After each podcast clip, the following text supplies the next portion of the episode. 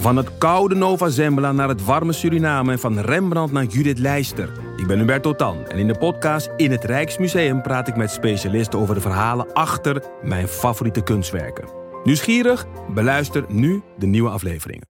Het allereerste padje, vele slapeloze nachten en nog veel meer vieze luiers. Genoeg om je druk over te maken in die eerste duizend dagen. Dan wil je je niet ook nog eens druk maken over wat er in je babyproducten zit. Daarom houden wij het clean en simpel bij Naïef. Met zachte verzorging voor de gevoelige babyhuid. Zonder microplastics, minerale oliën en alcohol. Zo zorgen we niet alleen voor je baby, maar ook de wereld die ze hun thuis noemen. Voor your baby's baby's baby dus. Naïef. Welkom bij VSR, voorheen Schaamteloos Randstedelijk. De podcast over alles dat je wel bent, maar niet wil zijn. Mijn naam is Dortje Smithuizen. Tegenover mij, nog steeds in digitale vorm, zit Perre van der Brink. En zoals iedere week houden wij onze luisteraar een spiegel voor en onderzoeken we de paradoxale relaties met de systemen om ons heen. Ja, in de stad is alles wat we nodig hebben voorhanden. Alles is dichtbij en ja, het is er duurder, maar de kwaliteit van leven is veel beter. Tenminste, dat is wat we denken. Maar dat is dus niet zo. Nederland is wereldwijd een van de weinige landen waarin het geluksniveau van inwoners op het platteland hoger ligt dan die in de stad. Vandaag gaan we het dus hebben over die stedelijke paradox. Maar eerst de actualiteiten. Ik doe niet meer mee met het aankondigen van de actualiteiten, omdat jij het gewoon zo goed doet. Ook nu weer, dat is gewoon heel erg sterk. Just, just received in our news. Ja, eh, ik dacht beginnen even met nieuws, eh, nieuws uit Parijs. Dat ik toch een soort eh, correspondent ben geworden hier de afgelopen tijd. En je, je hebt Ehm, meteen schokkend nieuws meegenomen. Ja, ik heb echt, ik heb echt, eh, echt een enorme scoop. Eh, want Ja. vanaf morgen, vanaf 1 september, zijn die, eh, die deelstepjes hier verboden. Dus die stepjes van Lime en zo. En nog een paar andere bedrijven die natuurlijk zeker onder toeristen heel populair zijn altijd. Die, ehm, die mogen niet meer. Eh, ik vind dat echt heel, heel grappig, omdat het zo, zo'n soort van... Het voelt als een hele gekke anti-beweging of zo. Het was natuurlijk een heel leuk idee. Zo'n soort van idee van, eh, nou, toegankelijk en een soort van CO2-neutraal min of meer vervoer. ja. Ehm, en ook share, weet je wel, daar zijn we natuurlijk ook dol op, van de share Ja. economy. Maar het pakte gewoon verschrikkelijk uit. Eh, want in, in Parijs zijn die, zijn die eh, elektrische steps op zich best populair. Alleen eh, mensen hebben vaak gewoon hun eigen step. En die hebben dan ook gewoon een helm. ja. En die, die deelstepjes die zijn dus zonder helm. En die zijn eigenlijk vooral populair onder toeristen. Die natuurlijk gewoon ja, keihard door die stad crossen. Van Eiffeltoren naar... Terwijl ze naar. Google Maps aan het kijken Ja, zijn. weet precies. Op hun telefoon. En dan dus ook nog zonder helm. En ze kennen de stad niet, kennen het verkeer niet. Dus die deelstepjes verzorgen gewoon super veel ongelukken. Dus alleen al vorig jaar waren er door die stepjes 400 gewonden en drie doden gevallen. Mhm. Eh, dus op een gegeven moment was de maat hier vol. En toen mocht eh, Parijs dus stemmen eh, in een referendum. waarin de vraag was van willen jullie een verbod op die stepjes of niet? En toen heeft 90% eh voor dat verbod... met de stepjes. Ja, ja, voor dat verbod gestemd. Dus dat gaat vandaag in. En ik vind het zo'n, ja, ik vind het ook zo'n grappig beeld opleveren. Dat je dus al die, je ziet ook nu al, al die lege laadstations al. En Ja. dat ze al die stepjes aan het ruimen zijn. En het voelt Ja. als een soort, ja, sowieso een beetje een soort illustratie van de tijd waar we nu in zitten. Ook eh, dat nu al die flitsbezorgers eh, langzaamaan, eh, ja, ze gaan Mhm. het terugtrekken zijn uit allerlei landen en failliet aan het gaan zijn. Dat het lijkt alsof een soort van het tijdperk van eh, hoe efficiënter, hoe beter, hoe sneller, hoe beter, is gewoon een beetje ja, op zijn einde aan het komen of zo. Ik, vond, ik vond dit idee ook zo'n voorbeeld van een. Het is zo'n extreem opportunisme. Want het idee aan zich is best wel goed. Ja, Ehm, alleen de uitvoer was zo matig. Dus hoe, hoe, ik denk dan echt van, hoe kan je dit idee hebben en dan, daar dan dus enorm veel geld voor, voor ophalen? En niet nadenken over waar die stepjes neergezet moeten worden. Want toen ze gelanceerd werden, toen was het eerst nog gewoon vrij. Je kon ze letterlijk overal neerzetten. Dat werd één grote teringzooi. Toen hebben ze gezegd, oké, er zijn een soort dedicated step eh, ruimtes nodig. Eh, nou, toen, toen, toen hadden ze een relatie met, met de stad Parijs, of in Berlijn trouwens hetzelfde verhaal. Hadden ze al een beetje verneukt omdat ze gewoon irritant waren. Maar ik denk dan echt van, hoe kan je dat van tevoren... Je weet toch dat dat gaat gebeuren? Van, En hoezo- mensen hebben gewoon, houden gewoon helemaal geen ruimte meer, eh, geen rekening meer met de publieke ruimte of zo. Dat zie je toch ook in die, eh, gewoon met al die dark stores in de stad en zo. Dat, dat, dat zo'n flitsbezorger denkt van ja, dat is handig voor ons. Maar totaal niet nadenkt over dat het misschien voor bewoners van de stad niet zo relaxed is als er ineens een enorme dichtgeplakte loods Ja. in, Ja. in de straat komt. Dus ik vond het wel grappig. En hier ook, eh, ik zit dan nu vlakbij dat kanaal eh, Saint-Martin. En daar eh, Mhm. Lijkt het ook een soort van publieke vermaak te zijn om die dingen ook in het water te flikkeren. het, het beeld van, die, van zo'n straat met allemaal van die steps die eigenlijk over elkaar heen liggen, is, is ook, zeker nu ze afgeschaft gaan worden, wordt gewoon een soort sign of the times, weet je wel? Ja, Maar misschien is het dus het einde van een tijdperk. En, en ik, ik las, om een link te maken, een grappig, eh, grappige nieuwsbrief van iemand die juist over het inluiden van dit tijdperk ging. Er is een ehm, eh, eh, per- persoon eh, die een, ja, die een nieuwsbrief heeft. En, in die nieuwsbrief had hij het over het jaar 2012.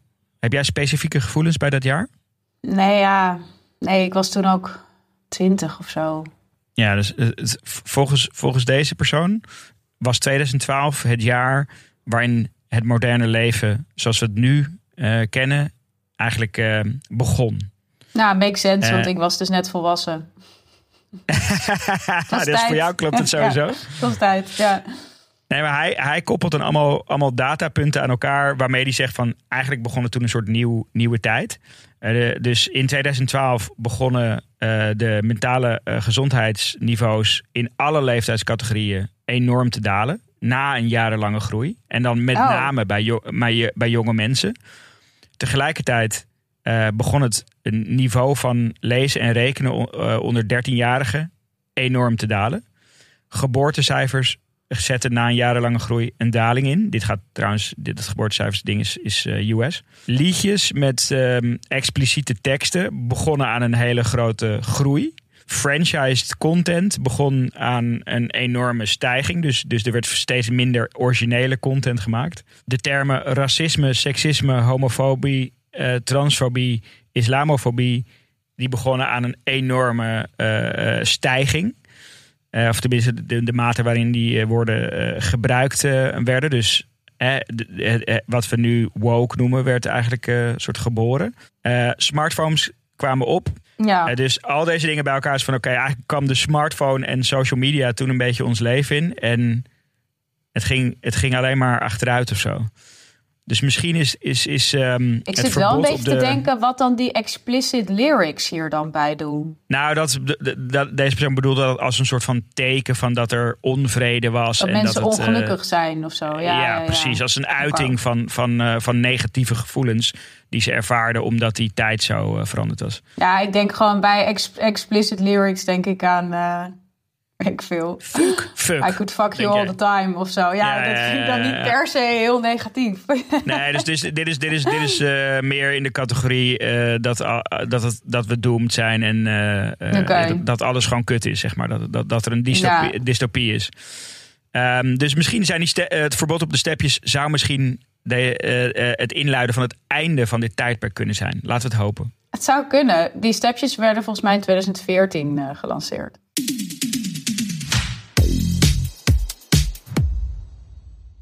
Ik las een heel raar stuk in de New York Times. Ja, Ehm, en dat, in dat stuk we- werd de vraag gesteld of ehm, eh, op romantisch gebied het hebben van veel volgers een afknapper is als je aan het Ja. daten bent. ik vind dit zo'n goede vraag. ja. ja, ik kan hier niet over meepraten. Maar eh, jij hebt best wel veel volgers. Uh-huh. Ja, Ervaar nee, jij ik, dit ook? Ja, nee, ik vind dat wel. eh, het klinkt gek, want ik ben echt. Ik ben ook. Ik bedoel, ik verwelkom elke volger. En eh, het is ook best wel leuk. Ik merk ook. eh, ik schrijf nu dan. dus even die column in de Volkskrant en die deel ik dan ook. En dan krijg je superveel reacties. En dat, dat, nou, Ja. dat vind ik ook eervol en vet. Maar ik vind het dus inderdaad voor mijn eigen persona, zeg maar, richting de wereld, schaam ik me een beetje voor mijn Instagram. Eh, Ja. Eigenlijk. Eh, omdat ik denk van ja, als mensen mij dan opzoeken.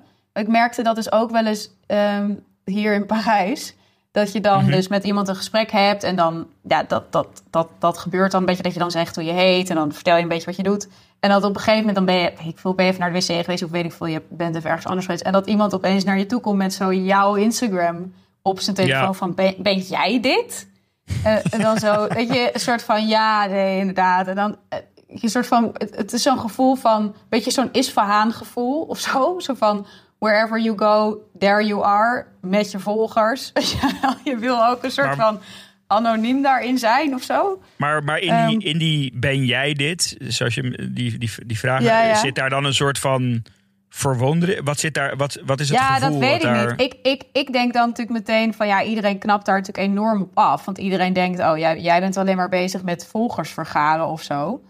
Ja. Ehm, eh, maar dat is natuurlijk projectie van mij. Want misschien vinden mensen het wel heel leuk of weet ik veel. Nee, maar op zich, in dit stuk gaat het ook over, eh, eh, over dat mensen ehm, die veel volgers dan associëren met dat je dan dus in die persoons leven komt. En dat je dan in een soort alles is content leven komt. Nou ja, en dat precies. begrijp ik is, wel. Ja, maar dat is dus waar bij mij ook de schaamte zit. Want ik denk dan, oh, zo iemand denkt nu dat ik de hele tijd, eh, weet je wel, alles aan het delen ben. Wat ik niet doe. Want ik deel echt alleen maar mijn werk en ik repost af en toe iets van iemand anders of zo. Het gaat eigenlijk echt alleen maar over werk bij mij. Wat Ja. natuurlijk ook weer veel zegt. Maar ehm, ja, dit is toch een soort angst dat, dat, ja, dat mensen dan denken dat ik een soort influencer ben of zo. Ja, ja, ja, precies. Ik vond wel dat die, ehm, die, die schrijver. eh, dit, dit hele stuk ging eigenlijk alleen maar over vrouwelijke ehm, eh, personen met veel volgers en hoe mannen daarop reageerden. Ze had eigenlijk Ja. het omgekeerde artikel had ze al een keer eerder geschreven. En dat, de titel van dat artikel was Would You Date a Podcast Bro? Ja, Ook best wel- een best hele goede best wel een goede titel. Ja. Ja. En ehm, nou, als, als soort bewijsvoering ook van die, van die aanname dat, dat mensen het een afknapper vinden, haalt ze dus ook een gast, gast aan die in zijn hinge bio of profiel eh, ook expliciet vermeld had dat hij op zoek was naar een vrouw Ja. met duizend of minder volgers. Ja, ongelooflijk. Een soort Ja. van hoe ver mensen gaan, toch? Van, eh, vroeger zetten mensen toch ook wel eens, dat hoor je dan ook wel, dat mensen zeiden van ja, ik wil geen, eh, ik wil geen man onder de 1,80 of zo. Oh ja, ja, ja, ja, dit precies, soort dingen, dat. Maar tegelijkertijd, als ik heel eerlijk ben, begrijp ik het dus ook wel. Zeg maar, ja, wie zegt dat? Maar eh, ik zou het wel heel cool vinden als, als ik iemand ontmoette die ik heel leuk zou vinden en die bijvoorbeeld geen Instagram zou hebben of zo. Ja, Zou ik wel- dus andersom zou, zou het voor wel jou heel goed aantrekkelijk werken. vinden. Ja, Ja. ik zou het wel aantrekkelijk vinden, ja. Wat zou je daar dan aantrekkelijk aan vinden? Ja, dat iemand toch een beetje... Ik denk ook omdat ik gewoon zelf dat hele sociale media gedoe gewoon een beetje zielig vind of zo. En dat, dat dan het gevoel dat iemand zich daar helemaal van afsluit. En Gewoon zero fucks geeft daarover. ja, daar, daar gewoon helemaal een soort van los van staat. Dat, dat zou ik dan Ja. wel cool vinden. Maar goed, tegelijkertijd denk ik ook... Ja, het is gewoon een, iets wat we nodig hebben. Allemaal een beetje voor ons werk. En ja. ja, ze haalt dus ook. eh, dit is eigenlijk een hele simpele oplossing. Als je dit ervaart en je hebt veel volgers en, je, en- de, dates lukken niet, moet je dus gewoon je Instagram deleten. Eh, maar Ja. maar, maar zij, zij haalt dan in dit stuk ook een meisje aan die dan dus wel redelijk wat volgers heeft. En die gaat dan kritisch naar de volgers kijken om, om, om minder volgers te krijgen. In de hoop dat ze dan wel aantrekkelijk is voor, voor ja, mannen. dat gaat wel echt heel ver. Dat vond ik wel echt een beetje soort treurig om te lezen of zo. Ja, ja Maar goed. dat vind ik, ook- vind ik ook eigenlijk wel inderdaad een beetje misogyn of zo. Van, Ja, da- da- dat vond ik dus een vrouwen beetje. hun eigen succes soort van gaan beperken... omdat mannen zich daar bedreigd door voelen eigenlijk. Nee, dat, dat, dat, dat, zat dus een beetje in dit stuk, waardoor ik het. Waardoor ik, ik las het stuk ook een beetje van. Hè, ik vond het ook niet echt een soort New York Times-achtig stuk. Uh, Ik ga het wel even dus- lezen. ja, ik vond het raar dat, dat een vrouw het ook schreef op die manier, zeg maar.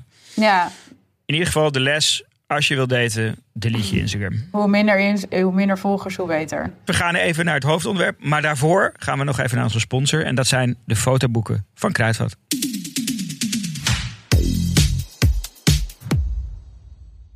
Inmiddels hebben we het al eh, heel vaak erover gehad, dus het voelt ook een beetje als herhaling. Maar goed, ik zit dus nog twee dagen in Parijs. Ehm, Ik ben hier 4,5 week geweest. Super lang. Ik ben denk ik nooit Ja. eerder zo eh, lang weg geweest. En wat wel leuk was, kijk, je maakt natuurlijk heel veel foto's de hele tijd. Maar Mhm. eh, wat ik had gedaan deze keer was een apart mapje maken met zeg maar de premium foto's. eh, die ik echt heel ja. georganiseerd. Ja, ik, had, ik, ik dacht al dat jij trots op mij zou zijn. Ja. Ehm, dus die, eh, die heb ik bijgehouden. Dat zijn ongeveer 50 foto's. En toen dacht ik wel, oké, als we dan toch eh, die fotoboeken van Kruidvat eh, gaan maken... dan is dit eigenlijk het allerhandigste mapje Ja. om dat mee te doen. Dus daar ben ik mee bezig. En ik moet zeggen, het is inderdaad echt heel makkelijk en snel. En het is goede kwaliteit. Je kan, jij vertelde het vorige keer ook al, je kan gewoon met zo'n drag and drop eh, Mhm. je fotoboek maken. En nou, dan heb je dus voor altijd je foto's fysiek vereeuwigd in een boek. In een Parijse bijbel in jouw geval. Nou, wil jij ook zo'n geweldig eh Kruidvat fotoboek? Ga dan naar kruidvat.nl slash designboek. En met onze code VSR30 krijg je nu 30% korting op jouw eigen fotoboek.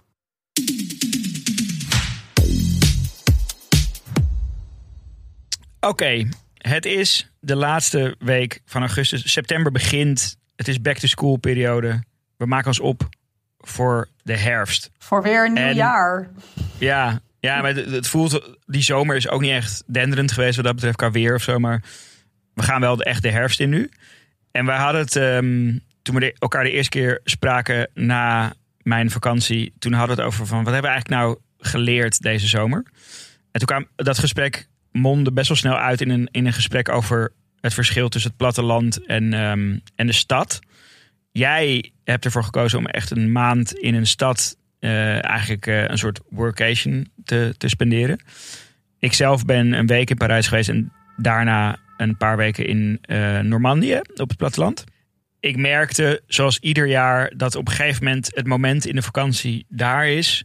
Dat je begint te fantaseren over de boel, de boel laten, je huis verkopen en gewoon in de natuur gaan wonen Ja, ik doe dat echt ieder jaar.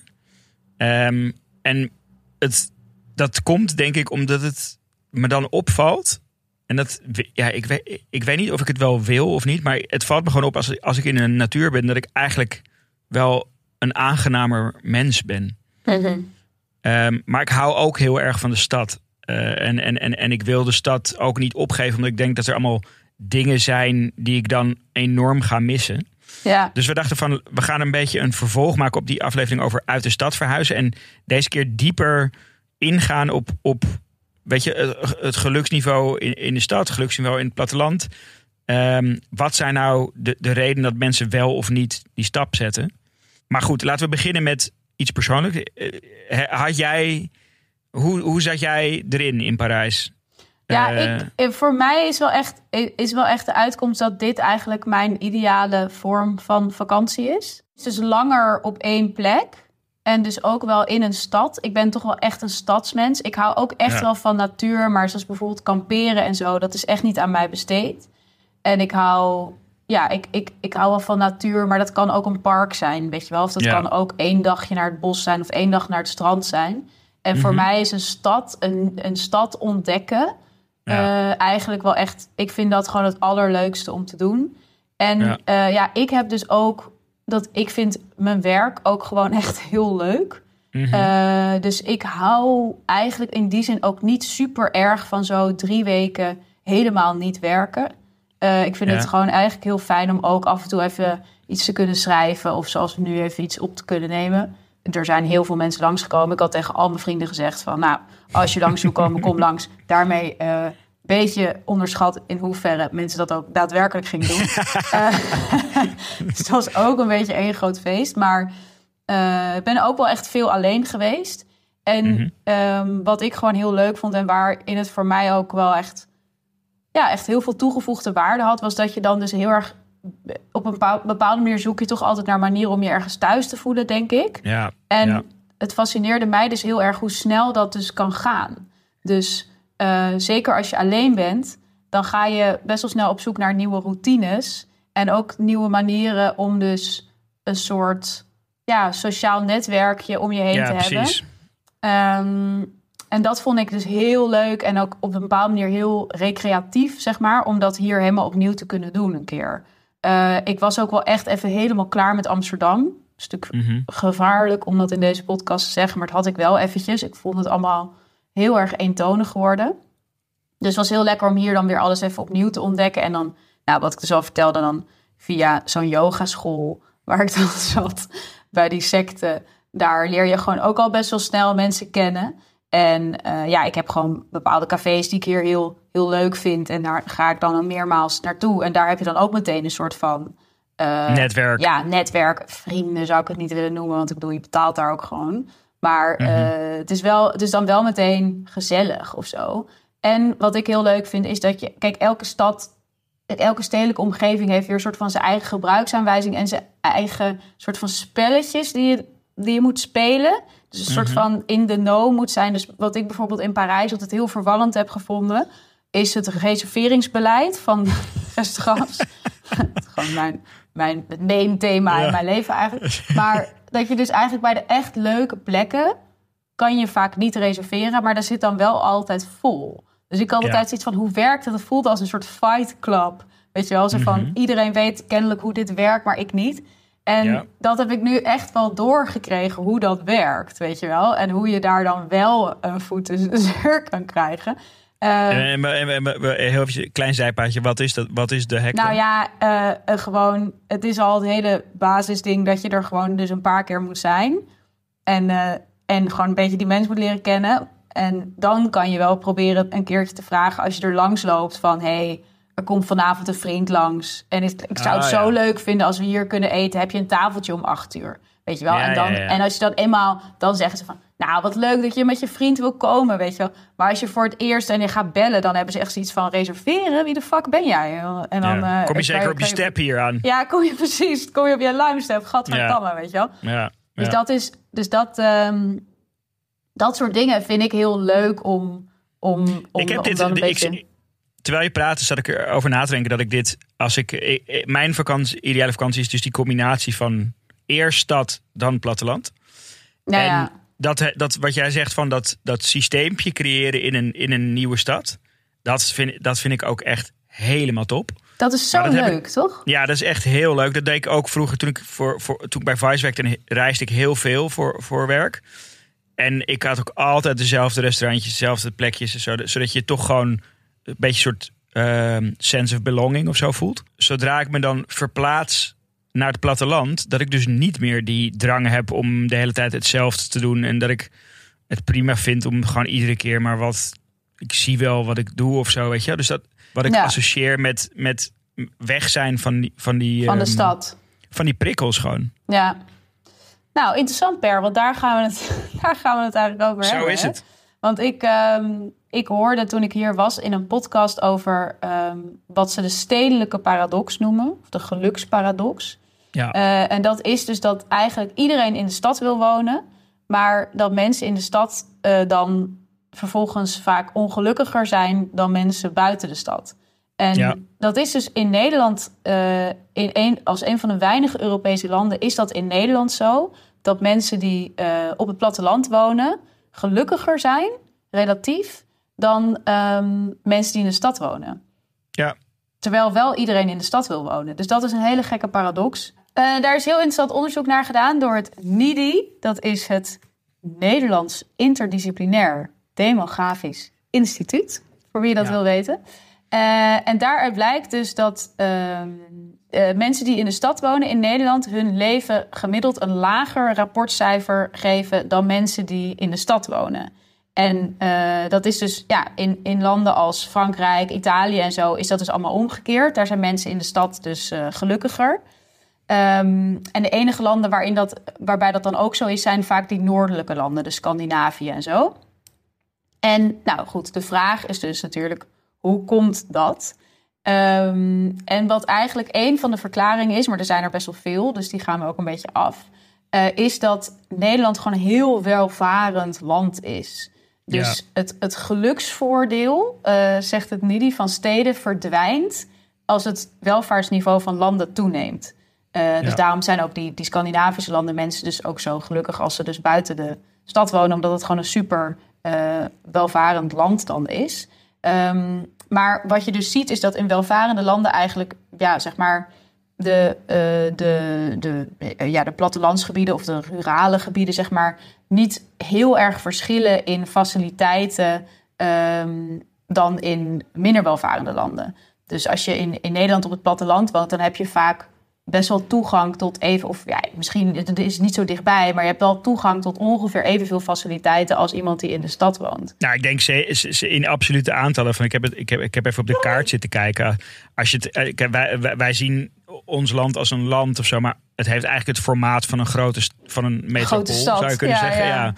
Dus als je, als je van Utrecht naar Groningen is 186 kilometer, van Utrecht naar Maastricht 179 kilometer, van Utrecht naar Vlissingen 172 kilometer. Dus eh, ik denk dat het bij ons eh, eh, iets logisch is dat dat verschil al klein is, omdat het gewoon, als je op het platteland woont, woon je dus ook niet afgelegen. Je bent, nou, het is niet zo afgelegen. bereisbaar. En het is natuurlijk bereisbaar, want wij hebben, wij hebben natuurlijk gewoon, hoewel we daar natuurlijk altijd over klagen, wel gewoon een best wel goed OV-netwerk. En Ja. door die hogere welvaart is er natuurlijk ook zoiets van als overal goed internet, overal goed bereik. Weet je, je kan makkelijk remote werken. Dus het is, je bent gewoon minder afgesloten op heel veel manieren. Afgesloten zijn van dingen, dat is voor mij zelf eigenlijk wel de, de soort grootste barrière om, om, om niet zo'n stap te maken. Want ik zou het Mhm. gewoon best wel willen, maar ik heb toch het gevoel dat ik dan eh, ook met mijn werk een bepaalde soort creativiteitsprikkel mis of zo.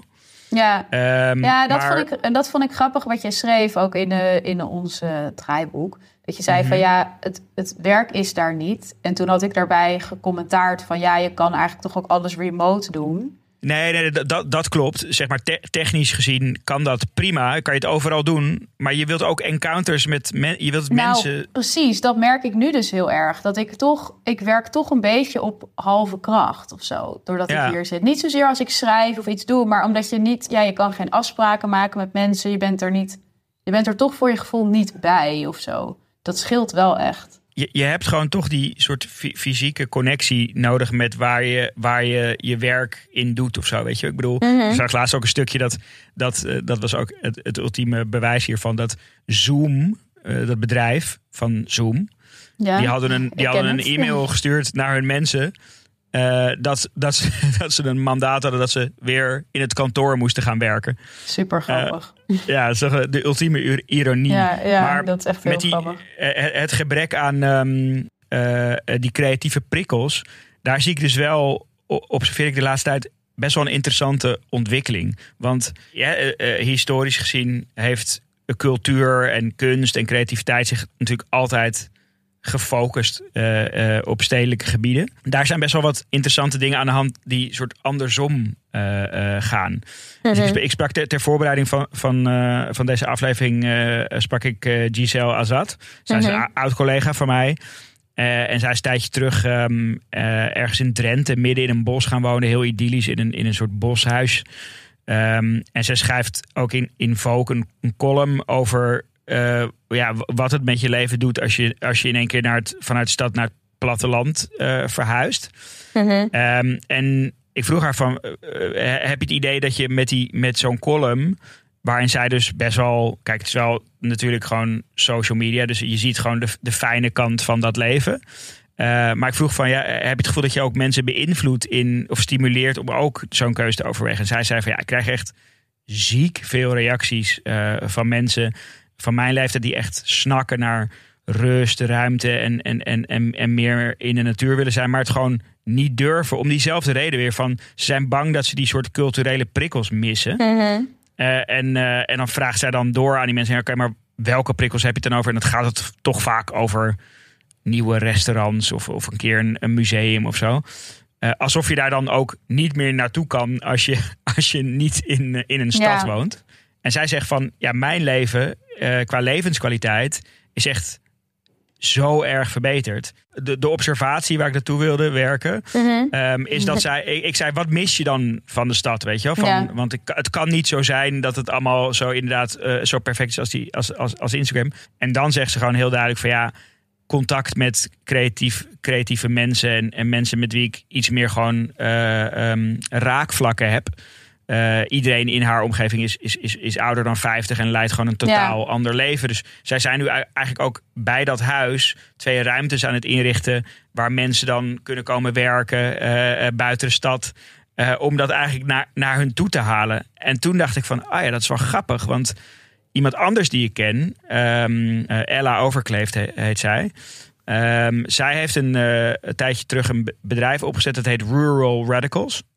Ehm, en dat is een bedrijf wat eh, in Europa ehm, eigenlijk eh, in niet-stedelijke gebieden eh, cultuur probeert op te zetten als een vorm van ontwikkeling. Dus, hè, dus juist op plekken in landen waar dat, dat gat tussen ehm, geluk, stad versus natuur groter is, gaan Mhm. zij dan eigenlijk soort culturele centra opbouwen om die gebieden te helpen ontwikkelen. En dat, dat doet zij, maar dat staat ook voor een wat grotere ontwikkeling, ook op Europees niveau, dat allerlei instanties eh, zijn daarmee bezig. Dus hoe kun je cultuur ook meer een plek geven in niet-stedelijke gebieden?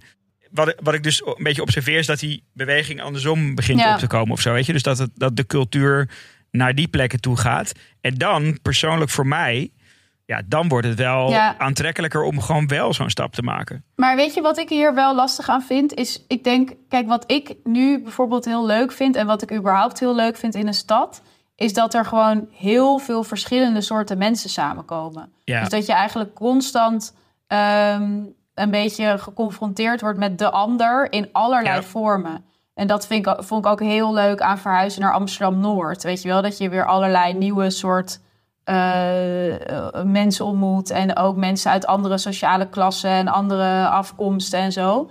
En wat Mhm. mij dus lastig lijkt aan wat jij nu vertelt, is dat, is dat het dan toch een beetje voelt alsof je wel, als het ook gaat om andere mensen die bijvoorbeeld cultureel bezig zijn, dan voelt dat toch een beetje alsof je dan zeg maar jouw eigen soort mensen of jouw eigen soort of zo, of jouw eigen cultuur naar het platteland zou verhuizen, zeg maar. En dat zou ik dus heel saai vinden, omdat je dan eigenlijk alleen maar jezelf tegenkomt. Kijk, als je één soort cultureel centrum daar neerzet, betekent niet dat, dat, dat er meteen een soort hele grote creatieve community daar, daar zit of zo. I- I- voor mij is het juist een, een, een manier om te doen wat, je, wat jij beschrijft. Dus, dus dat je, hè, de- voor mij, de, de, een van de barrières zou ook zijn van te veel dezelfde mensen. Dat zag je ook in die andere aflevering die wij over uit de stad verhuizen maakten. Ja. Bij, die, bij Martijn, die vriend van mij, die eigenlijk gewoon, eh, toen hij het eenmaal gedaan had, zei van, ja, wat mis je?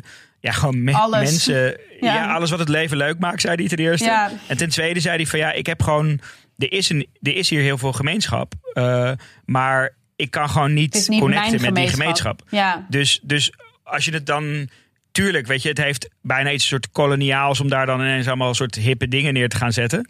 Eh, maar aan de andere kant maak je die omgeving dan dus ook diverser. En, Ja, en, in die zin. Ja, nee, dat snap ik wel hoor. Maar ik denk, kijk, wat, wat ik bijvoorbeeld heel leuk vind hier in Parijs, is dat je dus ehm, eh, ook, eh, of je nou, weet je, dat je ergens bij een eh, Koreaan kan gaan eten en dat dat, dat, dat weer heel anders is dan, dan bij een andere, bij een Chinees, weet je wel, dat, er, dat er in alles ook weer een soort andere cultuur zit. En dit Ja. voelt dan toch weer als dat er dan weer, dat het ook weer een beetje jouw eigen cultuur is die je, die je zeg maar zeggen, richting jezelf importeert. En voor mij zou dat dus, zou je dan dus het, het je, je, je even kunnen relateren tot iemand die verder van je afstaat. Dat zou ik heel erg missen.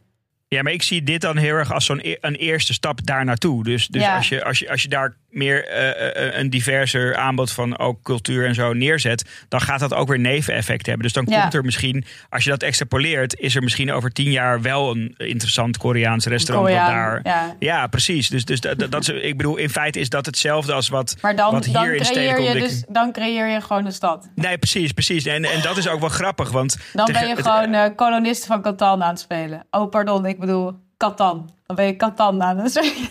ja, jij bent geen spelletjes-expert, dat, dat is, dat is, eh, dat is Ah, duidelijk. kolonisten ben ik redelijk oké in.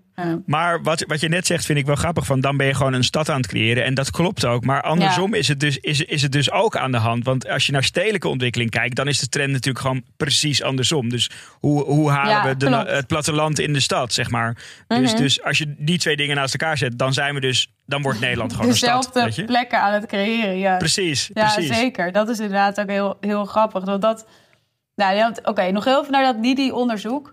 Eh, Ja. Er zijn eigenlijk twee, mensen, eh, twee eh, redenen waarom mensen minder geluk, gelukkig zijn in de stad, in Nederland. Mhm. Ligt enerzijds aan die mensen.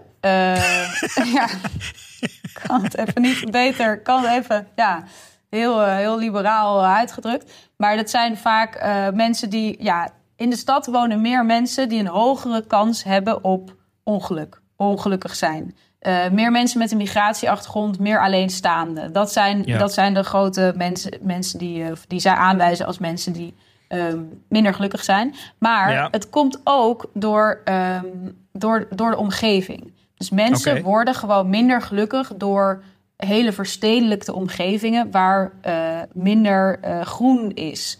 Ehm, dat, dat, daar, daar is gewoon heel veel onderzoek naar gedaan. Ik had een hele leuke podcast ook geluisterd van eh, CBS. eh, over eh, ja, eh, hoe dat zit. Eh, en er, ja, er zijn gewoon allerlei. Is, er is gewoon onderzoek gedaan ook naar dat als een omgeving te luidruchtig is, dat dat slecht is voor je eh, geluksgevoel. Eh, eh, vervuiling is, is, is, is ook slecht voor, voor, ja, gewoon voor je mentale gezondheid. Niet alleen Ja. voor je fysieke gezondheid, maar ook je mentale gezondheid. En in die CBS-podcast vertelden ze dan ook dat eh, natuur, en volgens mij herken jij dit heel erg, eh, zorgt dus voor meer wat ze noemen alpha waves in je hoofd. Dus dat zijn hersengolven die je soort van rustig maken. En Ja. na 20 minuten in de natuur begint dat zeg maar in te kicken. Ehm, en dan gaat je lichaam dus ook meer eh, immuuncellen aanmaken. En die gezondheidsboost, zeg maar, die blijft dus zeven dagen aan. Ja, nee, dit is, dit, ik ben een soort wandelende alpha wave Alpha definitie. Mo- Ja. Momenteel. Je bent, nee, je bent al een week terug, helaas. Nee, ik ben al een week terug, dus het is, Ja. het is klaar. Maar ik merk dat Alpha Waves ding, dat eh, als, eh, toen ik van Parijs naar Normandië ging, Mhm. toen zat ik in één keer gewoon niet meer op mijn telefoon. Eh, gewoon, gewoon, gewoon, ik was echt een soort cliché Alpha Wave effect. Ja, cliché alpha wave. Ja. man. Ja. Nee, dat is, ik vind dat heel grappig. Want je ziet dus wel dat nu in, in steden, allerlei Europese steden, eh bekijken ze natuurlijk ook dit soort onderzoeken. En hebben ze natuurlijk heel grote.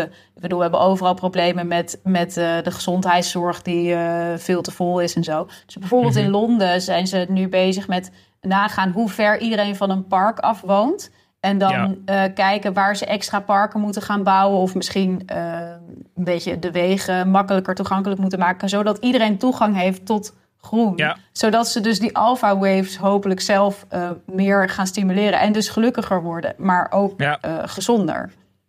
Ja, nee, dat, dat is ook iets wat, wat, wat in Amsterdam, waar ze ook mee bezig zijn. Ik had een tijdje terug zat ik in een project eh, met iemand die op innovatie voor de gemeente Amsterdam werkte.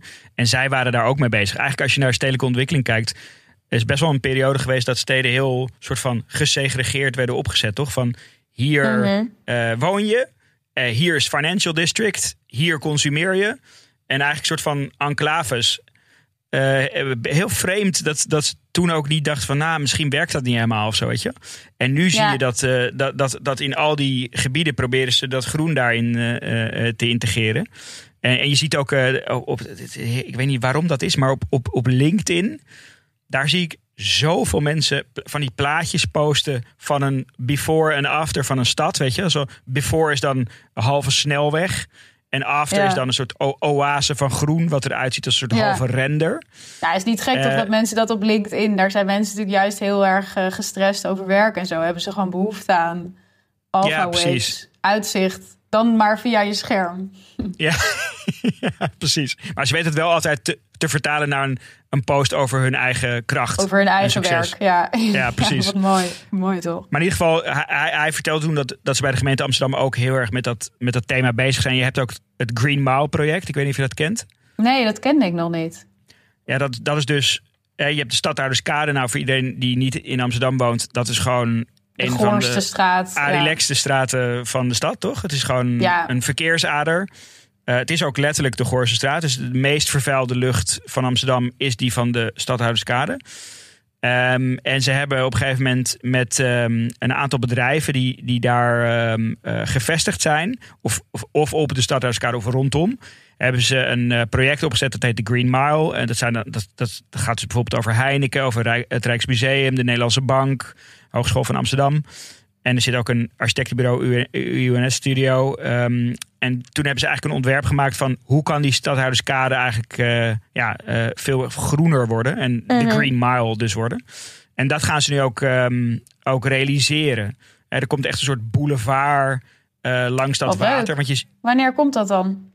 ja, volgens mij gaat de bouw. Ik, dat, nu ga ik een soort speculatief iets zeggen. Maar volgens Ja. mij gaan ze daar bi- binnenkort mee beginnen. En Heel komt goed. het over een Houdt paar jaar is het. Ja, precies. maar in ieder geval, er komt dus een mooi, mooie boulevard aan het water, zodat je ook van het water kunt genieten. Jij zou echt Ehm. zo wethouder kunnen worden. Ik ga me binnenkort mee beginnen. Over een paar jaar. Weet je, zo. Alles vaak. Ja, Ja, nee, heel lekker. goed. Ik, zei, ik denk dat het heel goed is. Dat is hier in Parijs dus ook. Je hebt hier dus een burgemeester nu. En die heeft eigenlijk eh, haar eigen verkiezing echt gewonnen. Door ja, echt die belofte van meer aandacht voor natuur. Meer aandacht voor buiten, ruimte. eh, veel meer Ja. autoluwe gebieden. Veel meer parken. En ik vind dat je dus dat ook echt ziet. Het is natuurlijk ook hoogzomer, maar iedereen zit hier buiten. Mensen gaan veel meer in parken zitten, aan de kade. Ja.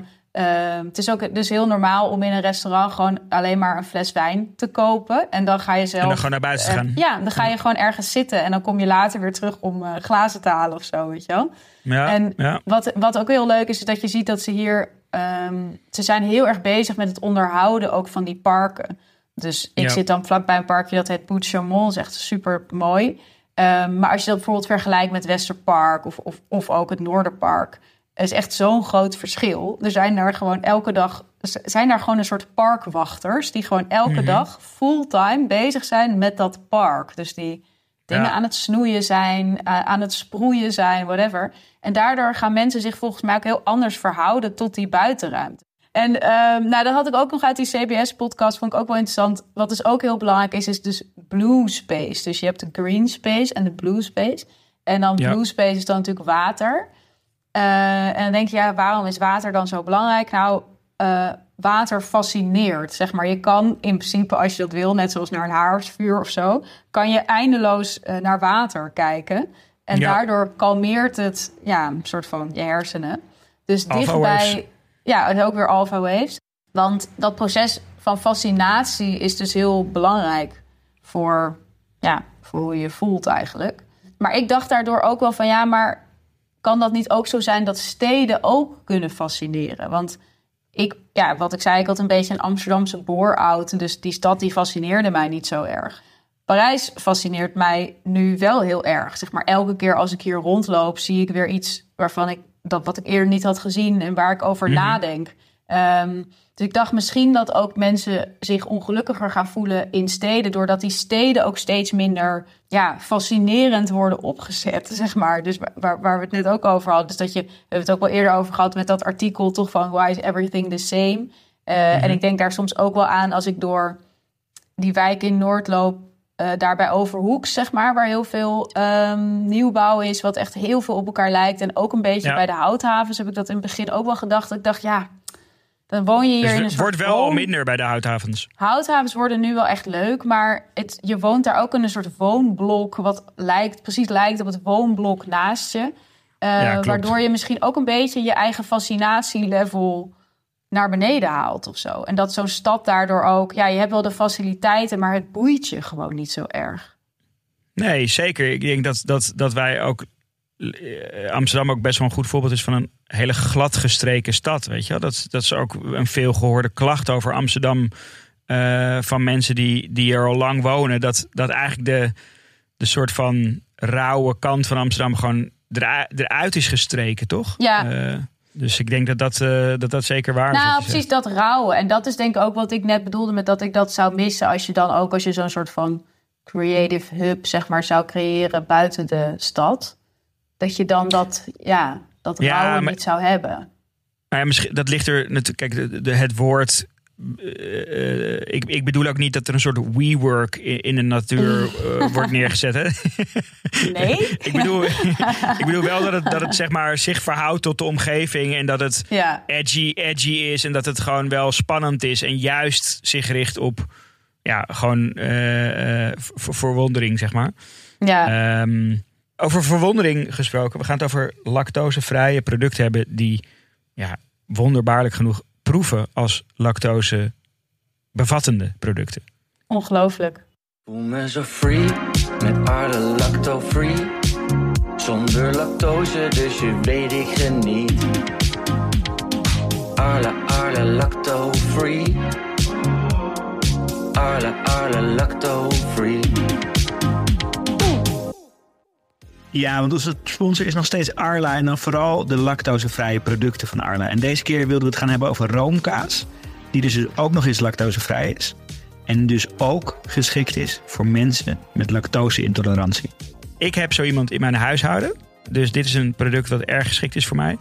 Zij eh, van Arla hebben een enorme bak aan recepten op hun website staan. Daar hebben we naar gekeken. En we dachten van, we kiezen er eentje uit die bij ons past. Ik heb nagedacht. En Ja. ik zag een bagel met zalm staan. Dat leek mij een uitstekende combinatie. En ik kreeg ook een heel erg soort... We hebben het net gehad over hoe de, eh, het moderne leven... wat in 2012 begon... het einde Ja. daarvan is ingeluid door de, door de stepjes. Ik zou hier dan willen pleiten voor de terugkeer. En daarvoor aten we massaal bagels voor Ja. dat tijdperk. Laten we die bagel retro gaan maken. Wat ik, vind jij ervan? ik vind de bagel ook wel echt typisch een product wat zowel op het platteland als in de stad verkrijgbaar is. Ik denk dat je bijna overal in Nederland wel een bagel met zalm en crème fraîche kan krijgen inmiddels. Ja, ja, maar dat is misschien om die reden ook een soort onderschat, Nou, het- onderschat ding. Het is nee, hartstikke lekker gewoon. Mensen houden van, van eh, continuïteit ook, hè? Ja, ja nou, ehm, En dan is dat Of- nu ook nog lactosevrij. Nou, ja, we zullen het recept wa- waar wij het over hebben ook even delen. Zodat je, eh, jullie mee kunnen werken aan de, ja, eigenlijk de revival Ja. van bagelcultuur in, ehm, in Nederland.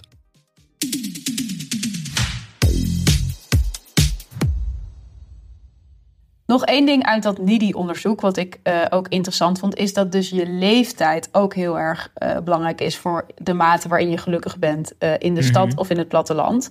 Dus mensen tussen de 30 en de 44, die zijn veel gelukkiger op het eh, platteland dan in steden. En eh, mensen tussen de 45 en de 60 ook. Maar dan kom je Ja. dus bij de mensen tussen de 15 en de 29 en de 60-plussers. En die zijn dan dus weer gelukkig. Of, nou, daar is het verschil niet zo groot. En zeker de mensen tussen 15 en 29, die zijn echt veel gelukkiger in de stad. Ja, Ehm, maar dit is toch ook wel... sense. Ja, ja, precies. Want die, heb- die willen gewoon naar het café en die willen uit. En die willen niet eh, alleen maar. eh, brommers kieken. ja, ja, hoewel dat ook heel leuk schijnt te zijn. Eh, heb ik nog nooit gedaan, maar ik sta daar heel erg voor open. Maar en wat ik ook heel interessant vind, is dat ook je inkomen heel erg belangrijk is. Dus hoe hoger je inkomen, hoe hoger eigenlijk je geluksgevoel in de stad. Eh, en mensen met lagere inkomens, die zijn dan vaak toch gelukkiger op het platteland. En mensen met hogere inkomens zijn gelukkiger in de stad. En ook dat vond ik heel logisch. Want ja, als jij een hoog inkomen hebt, dan kan je eh, ja, makkelijker gebruik maken van alle faciliteiten. eigenlijk- die ze- Voor mij de enige die ik niet logisch vind. Nee? In mijn soort escapistische, geromantiseerde plan om de stad uit te vluchten. Ja, laat ik het zo zeggen. De, de funda-zoekacties richten zich niet op hele kleine huisjes op het platteland. Weet je dat? Ik, sterker nog, ehm, eh, ik heb op een gegeven moment ook een keer eh, met, met mijn vriendin aan Amma gevraagd: van joh, wil je, wil je niet samen iets zoeken? Want dan kunnen we gewoon een giga, misschien betalen. Ehm, dus het idee van dat je als dat je met geld naar het platteland gaat, lijkt mij dan juist dat je dan extra lekker gaat, omdat je dan gewoon er zeer comfortabel bij zit. Nou, nee, ik begrijp, ik begrijp dat wel. Want ik denk dat, je, dat er twee dingen spelen. Eh, dus dat je enerzijds, als je gewoon een hoger inkomen hebt, dat je dus meer gebruik kan maken van eh, ja, de faciliteiten. Zeg maar, als je elke dag koffie kan halen of zo, dan heb je weer het gevoel van, oh, wat heerlijk dat ik toch in een stad woon waar dit kan of zo. Als je elke dag kaas gaat halen bij Kev of zo, dan, dan heb je er meer aan. Ja, Ja, is gewoon zo, denk ik. ja. En eh, een ander ding, daar las ik over in de Atlantic en dat vond ik echt, echt heel treffend, is dat mensen in de stad eh, veel meer last hebben van wat ze in dat artikel eh, noemden het wrong apartment problem. Want eigenlijk ging dat artikel over waarom we steeds het idee hebben dat het heel kut gaat met de economie, terwijl het vaak, zeker in Amerika, best wel goed gaat eigenlijk Ja. met de economie. Ehm, en dat had dus vol- volgens die auteur dus te maken met dat wrong apartment problem. Dus dat eigenlijk iedereen, of nou heel veel mensen, een heel groot deel van de mensen, en zeker in steden, wonen in een huis wat ze eigenlijk niet ideaal vinden. ja. Of het nou is dat je bijvoorbeeld op Eiburg woont, terwijl je eigenlijk in de stad zou willen wonen, maar dat je dan inderdaad wel een groot huis hebt. Of dat je juist wat meer centraal woont in de stad, maar dan dus heel klein en alles een beetje moet proppen. Dus eigenlijk heeft iedereen een soort van. Iedereen zit in het verkeerde huis. ja ik, Eh, en dat heb je natuurlijk in de stad minder als je gewoon een hoog inkomen hebt. Dan kan je gewoon groot wonen. Of in elk geval wonen zoals je wil wonen. ja, ik heb wel ook wel last van wrong apartment problem vaak. Krijg ik, wrong twee onder één kap problem heb jij ja, dan. ik krijg daar heel erg eh, beta-waves van als ik, daar- als ik daaraan denk. Ehm, concluderend. Ja, concluderend. Ik- Ja, wat, wat, wat ga jij doen? Ga je in de stad blijven wonen? Ja, of, ehm, Idealiter ehm, zou ik dus in zo'n dorpje net onder de rook van Amsterdam willen wonen. Ransdorp ik noem een? Ransdorp, inderdaad. Ja. Wel de lusten, niet de lasten. Alleen praktisch gezien, ik, ik zit gewoon nog niet op het financiële level dat ik daar het huis kan eh, kopen wat ik ook echt wil. Ja. Eh, en dan vind ik het eigenlijk een, dan vind ik het te zonde om het te doen of zo, weet je? Eh, Ik denk dus, mijn voorspelling is dat op een gegeven moment... er is, zijn dus eigenlijk geen goede OV-voorzieningen naar Ransdorp en zo. Weet jij alles van, Mhm. want dan ben je nog een keer omgebeurd in het parool. Hè? ja, toen, toen, Ooit van OV gehoord? ja. ja, die, Nou, dat is daar dus niet. Dat hebben we wel van gehoord, maar dat heb je niet in Ransdorp bijna. Ja, je hebt één bus, maar die komt echt maar heel weinig. Mijn voorspelling is dus, op een gegeven moment gaat daar OV naartoe. Gaan ze dat doen? Gaan ze dat faciliteren vanuit de gemeente Amsterdam? En dan komt er een run op Ransdorp. een Renault ik. Brandstorp, ja. Dan gaan die huizenprijzen daar over de kop. Ja, Het is volgens mij officieel ook al gemeente Amsterdam. Eh, dus, Ja. en, en dat is ook wat er.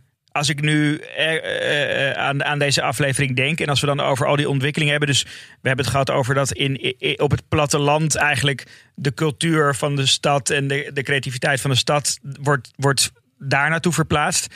In de stad wordt, wordt het platteland eigenlijk eh, eh, daar naartoe verplaatst. We eindigen gewoon, wat we net ook al zeiden, van Nederland is een stad. Daar eindigen we gewoon. Nederland wordt een stad, ja. Ja, Nederland, Ja, wordt, een stad. groot is dat. En overal waar omgekeerde vlaggen hangen, dat noemen we gewoon park. Ja, heel goed. En mijn conclusie is dan dat op het moment dat je dan dus een, een, een bore-out ervaart van eh, die stad, dan wil dat nog niet zeggen dat je niet van steden houdt of niet geschikt bent om in de stad te wonen. Maar dat je misschien gewoon even ergens anders moet gaan zitten. Precies. Ehm, en ik kan het echt iedereen aanraden. Zeker als je op een punt in je leven bent zoals ik, hè, eh, solo en eh, qua werk dat het kan, dan eh, ja, is, het echt, is, het, is het echt ontzettend leuk om te doen. Dus ik wil eigenlijk gewoon, ik vind dat we vaker moeten huizen ruilen. Goed Dus, pleidooi. mochten er mensen luisteren die een leuk huis in een buitenlandse stad hebben, ik hou me aanbevolen, want zoals Perre net zei, ik, heb, ik woon totaal niet in een wrong apartment. Ik woon in een heel leuk apartment. Vol alpha waves, ook nog, Ja. heel veel groen. ja, Dus eh, Zeker. Laat, dat- volgens mij moeten mensen dat vaker gaan doen, want het is echt heel goed voor je, voor je moraal. ja, zoek die Alpha Waves op en luister volgende week weer. Ja, dan gaan we het over open relaties hebben. Leuk. Waves, weer andere waves. Tot volgende week. Eh, tot, volgende, tot volgende week. Doei.